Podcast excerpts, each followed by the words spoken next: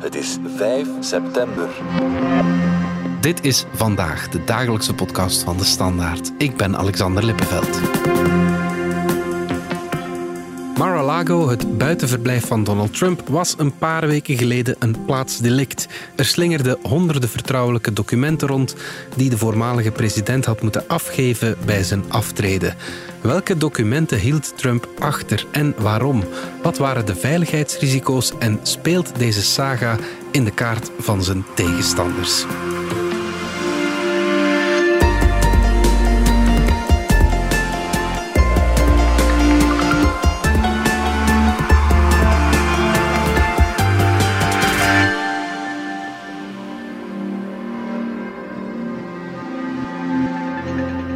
Former President Trump says his Mar a Lago home there is being raided by the FBI right now. Mr. President, what's your message to your supporters, Mr. President? The former US President Donald Trump has issued a statement saying that the FBI has carried out a raid on his Florida home at Mar a Lago. Republicans moved to turn the FBI's search of former President Donald Trump's Mar a Lago estate into a campaign issue on Tuesday, vowing to probe what they alleged was political interference at the Justice Department. That's the new and explosive accusation from the Justice Department in a court filing late last night. A night. spectacular FBI search on former President Donald Trump's Florida home to reportedly seize official papers he's handled. He was not in the state at the time. Mr. Trump said that a large group of agents arrived at the compound with a search warrant. They even broke into my safe, he said. Top secret documents at Mar a Lago were likely moved around and hidden from federal investigators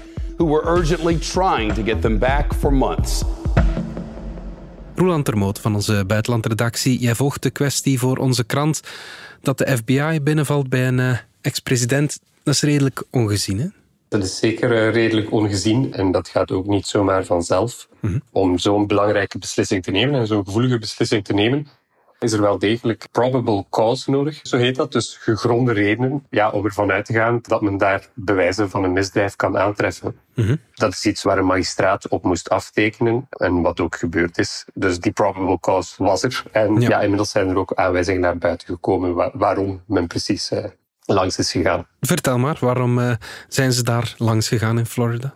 Ja, eigenlijk een van de cruciale redenen waarom ze langs gegaan zijn, blijkt uit een document dat ingediend is door het eh, Department of Justice in een rechtbank deze week.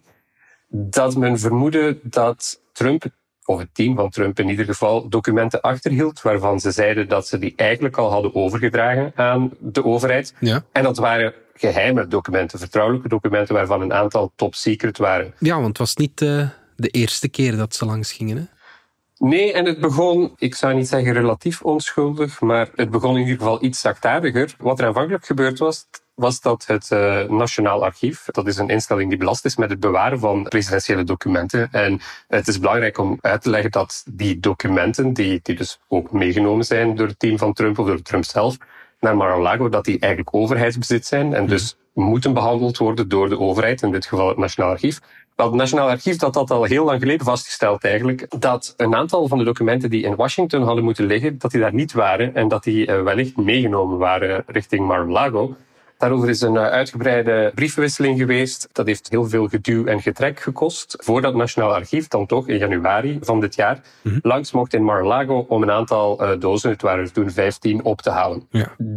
De vaststelling die ze toen deden was vrij onrustwekkend, want in die dozen bleken op zijn minst 184 documenten, en sommige documenten hebben dan op meerdere pagina's te zitten, met zogenaamde classified markings. En classified markings betekent dat het om vertrouwelijke informatie gaat. Een aantal van die documenten waren geheim, een aantal van die documenten waren uiterst geheim, top secret. Ja. En wat ook bleek, is dat daar informatie in leek te zitten die gaat over menselijke inlichtingenbronnen. Menselijke inlichtingenbronnen is iets waar de Amerikaanse overheid heel omzichtig mee omspringt, zal ik zeggen.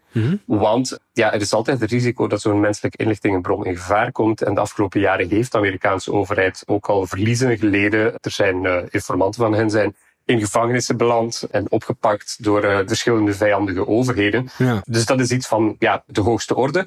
De overheid stelde vast ja, dat die daar gewoon in die dozen zat. Soms op een hoop gegooid met andere papieren. Dus dan vroegen ze, Wij willen zeker zijn dat we alle papieren hebben. Dus de zaak werd overgedragen aan het ministerie van Justitie. Die kwam langs in juni bij Trump. Toen kreeg ze toegang tot een opslagplaats in Mar-a-Lago. Dan werd uh, verteld door de advocaten van Trump: Kijk, uh, hier hebben we nog een aantal documenten gevonden. U kan die meenemen. En we hebben echt een grondige zoektocht uh, georganiseerd. Bij ons weten zijn dit nu alle geheime documenten die hier liggen. Ja, maar dat was ook niet het geval. Dat was ook niet het geval. okay. en, en op dat moment spreek je over obstructie. Want op basis van verschillende bronnen en er zijn zowel getuigenverslagen, lijkt het. We weten niet wie dat zijn, maar goed, de speuters hebben ook toegang tot camerabeelden. Mm-hmm. En hun eigen ervaringen in Mar-a-Lago zijn ze tot de conclusie gekomen dat dat niet zo was. Dat daar wel degelijk waarschijnlijk nog geheime documenten lagen, dat die ook niet allemaal in die opslagplaats bewaard werden. En dat wat de advocaten hen zeiden niet klopte. Het was ook zo dat toen ze daar in uh, juni langs gingen, dat, ja, dat er een soort van vreemde sfeer was, waarin de advocaten van Trump vertelden dat ze bepaalde andere dozen in die opslagplaats zeker niet mochten inkijken. Okay, wat het ook moeilijk maakte ja. voor hen uh, om, om dat te verifiëren. Inmiddels is gebleken dat aantal van die documenten voorafgaand aan het bezoek van die uh, overheidsfunctionarissen in juni weggehaald zijn hmm. uit die opslagplaats. Dus wat je dan krijgt is aanwijzingen dat er echt uh, obstructie van het onderzoek gepleegd is ja. door het team van Trump, Trump zelf. En uh, ja, dat is de fase waarin het onderzoek nu zit. Echt het, uh, ja, obstructie. En daarom is die huiszoeking ook gekomen, begin deze maand. Ja. En bij die huiszoeking hebben ze daadwerkelijk nog eens een heleboel documenten gevonden die er volgens de advocaten van Trump eigenlijk niet meer hadden mogen zijn. Dus ook hun vermoedens werden daar bevestigd. En ja, dat is, dat is ernstig. Vrijdag werd een lijst vrijgegeven van alles wat de, FBI gevonden had bij Trump. Tientallen mappen en documenten hadden de stempel top secret of confidential of terug te bezorgen aan de stafchef of militaire top. 48 mappen waarop top secret stond bleken overgesleegd te zijn. Idem voor 42 mappen die terug uh, naar het leger moesten. Daarnaast waren er nog 11.000 overheidsdocumenten bij die helemaal niet geheim waren, zoals tijdschriften, foto's, krantenknipsels, zo'n dingen. Nancy Pelosi, de voorzitter van het Huis van Afgevaardigden, die benadrukt dat er wetten zijn tegen het onrechtmatig gebruik van overheidsdocumenten en ook ja, dat het om top-secret documenten gaat. There are laws against the improper handling of this material. There are laws against that. And we have to recognize that. This information, as it is coming across, and we, we don't, we'll know more later, is highly classified, well above top secret. It is, uh, again, higher than top secret. It's top secret SCI. It is, um, it's about our national security. De Washington Post had het over documenten over het Amerikaanse kernwapenarsenaal zelfs. Hè. Dat, uh, ja, dat, dat is top, top, top secret, veronderstel ik. Daar werd naar gegint op basis van anonieme bronnen. Er zijn ook aanwijzingen die zijn nog iets helderder dat er uh, documenten onder meer over de Franse president Emmanuel Macron zouden inzitten. Het roddelcircuit zegt dan dat het mogelijk zou gaan om informatie over de seksuele voorkeuren van uh, Macron. Iets wat uh, Trump blijkbaar zou, zou fascineren. Ja. De inhoud daarvan is niet bevestigd. Er werd ook gezocht bijvoorbeeld uh, aanvankelijk naar een brief van Kim Jong-un aan Trump die hij zou meegenomen hebben. Maar de exacte inhoud van die documenten, dat weten we eigenlijk niet. Nee. Want we hebben alleen maar beschrijvingen van een aantal van de documenten die zouden meegenomen zijn, maar niet van hun inhoud. Nu is de vraag waarom uh, neemt Trump die documenten mee? Waarom gaf hij ze niet aan dat archief toen hij afgetreden is? Absoluut, dat is zeker de vraag. En zoals wel vaker bij Trump is het moeilijk ja, om, om hem dezelfde motieven toe te schrijven die zomaar een andere leider zou toeschrijven. Er zijn natuurlijk parallellen als het gaat over een onderwerp als obstructie. Hmm. Het Rusland-onderzoek van de Special Counsel Robert Mueller in de tijd. Uh, ik weet niet of je het nog herinnert. Uh, het lijkt Ja. in, een, uh, in, in een duister verleden gebeurd te zijn. Maar.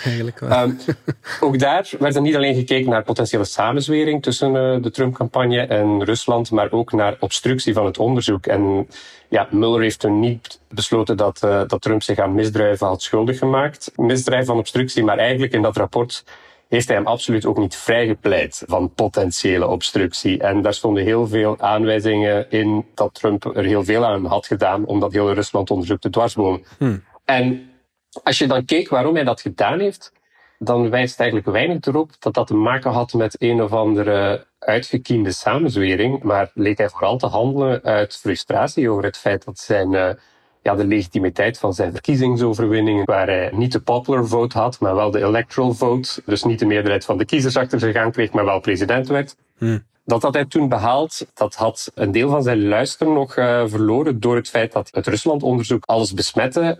En hij dacht ook dat dit zou gaan wegen op zijn hele presidentschap. Ja. Dus vanuit heel uh, ja, persoonlijke redenen heeft hij toen gehandeld. En de vraag is of dit misschien nu ook het geval is. Uh, dat weten we niet, maar het, het zou zo maar kunnen. Waarom neem je documenten mee over Emmanuel Macron bijvoorbeeld? Ja.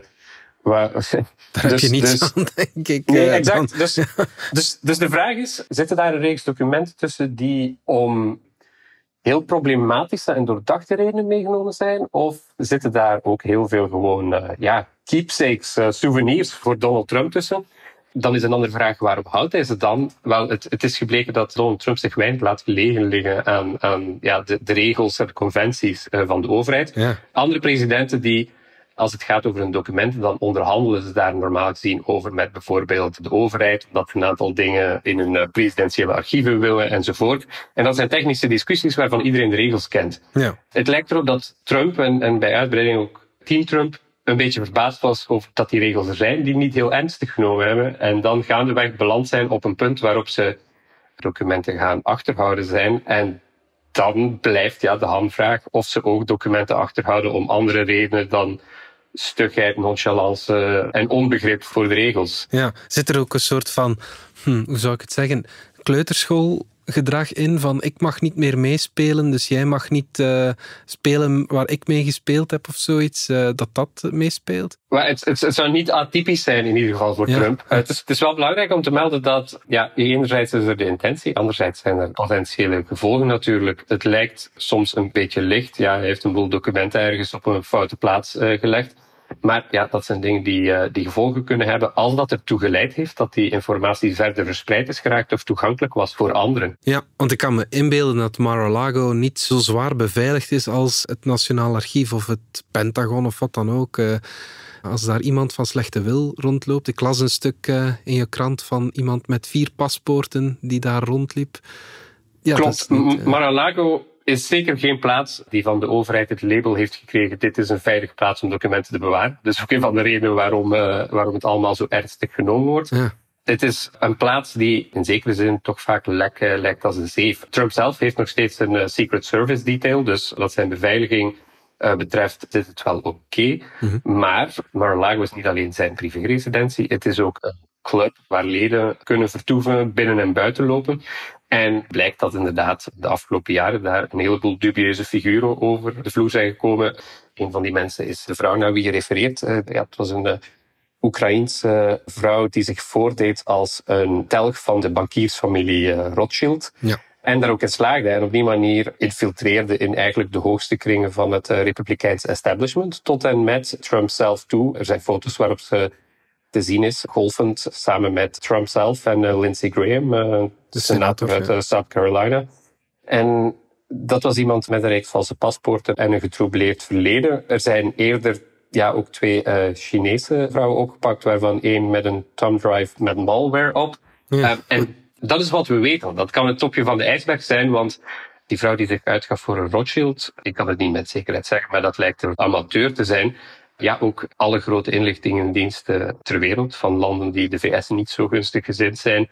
Ja, voor hen is Mar-a-Lago ook een target en die hebben ja. vaak mensen ja, in dienst die best wel wat competenter zijn. We gaan er even uit voor reclame.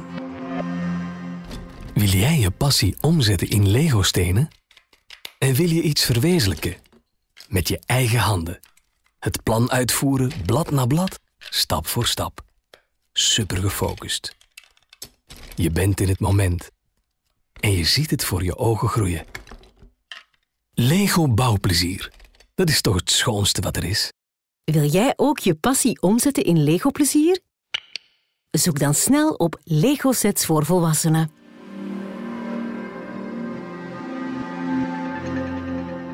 Roeland, terug naar uh, Trump en zijn FBI-documenten. Zelf had hij het dit weekend op een uh, campagnebijeenkomst in Pennsylvania over een van de meest chockerende voorbeelden van machtsmisbruik uit de Amerikaanse geschiedenis.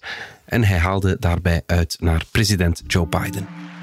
Joe Biden came to Philadelphia, Pennsylvania, to give the most vicious, hateful, and divisive speech ever delivered by an American president, vilifying 75 million citizens plus another probably 75 to 150, if we want to be accurate about it, as threats to democracy and as enemies of the state. You're all enemies of the state. He's an enemy of the state.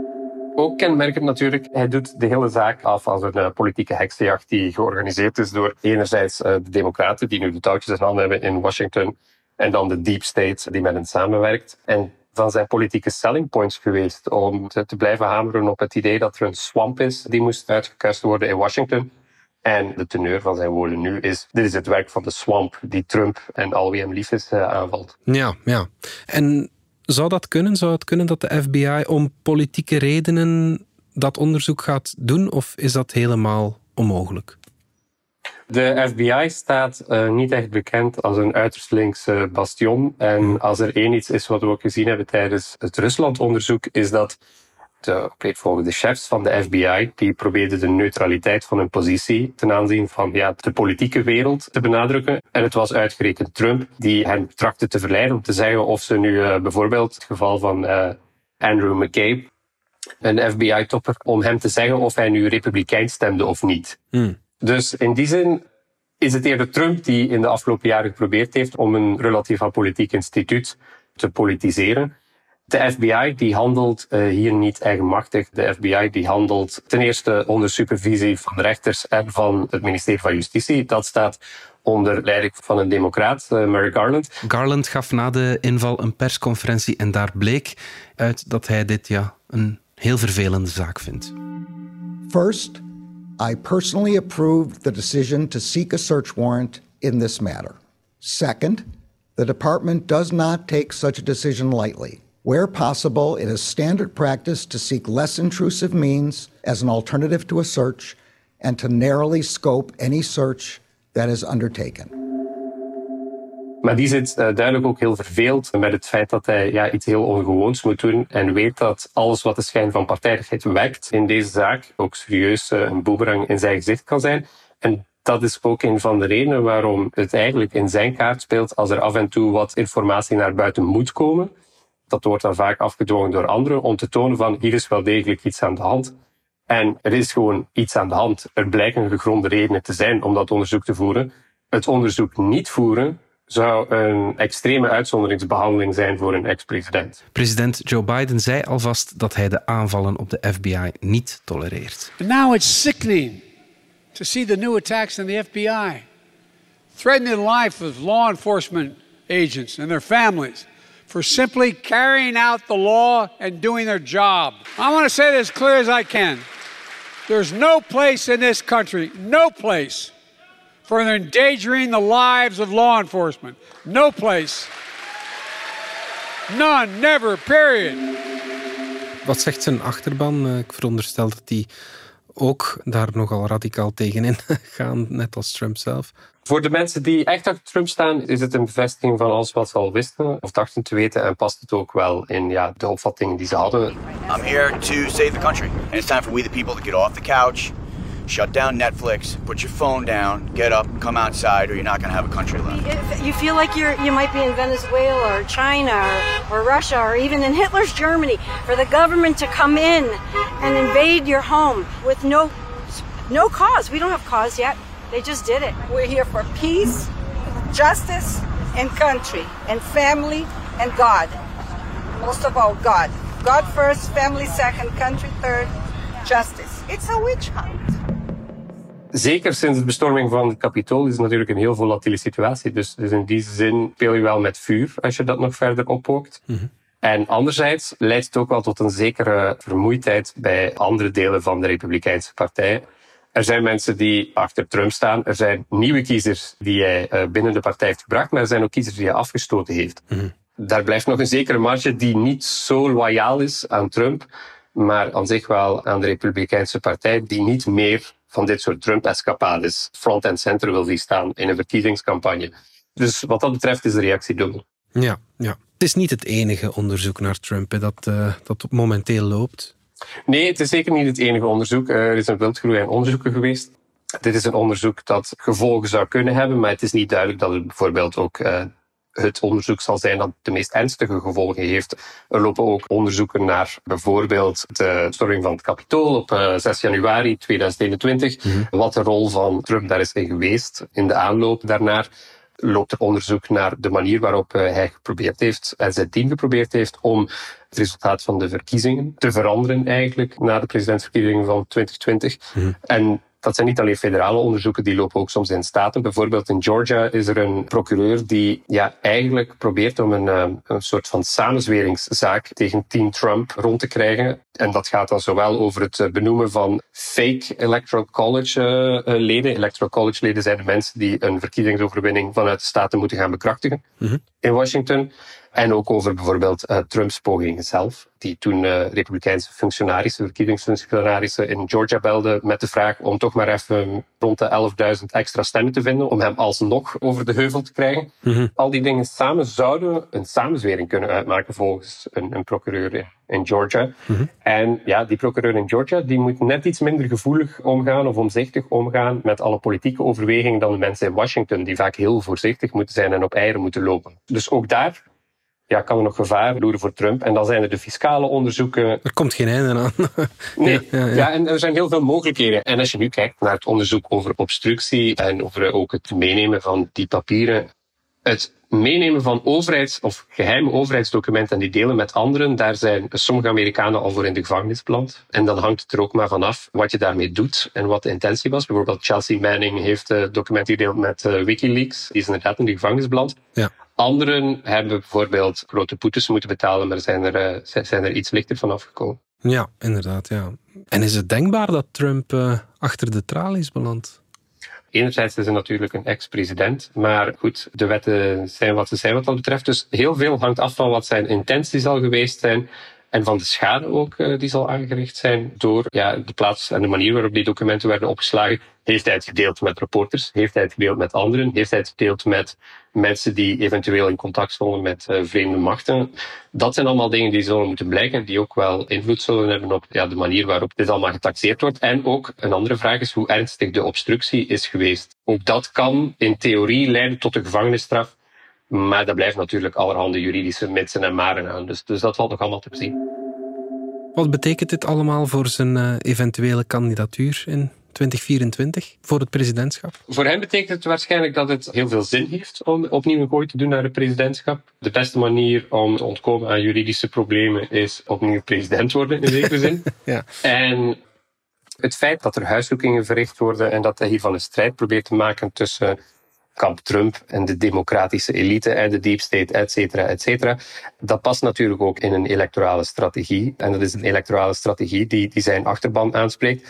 Maar zoals ik zei, als je nu kijkt naar, naar hoe het er nu al voor staat voor de, voor de midterms dan in november, dan zie je dat niet alle Republikeinse uh, kandidaten even graag over Trump praten. Er, er zijn de mensen die echt aan hem gebonden zijn.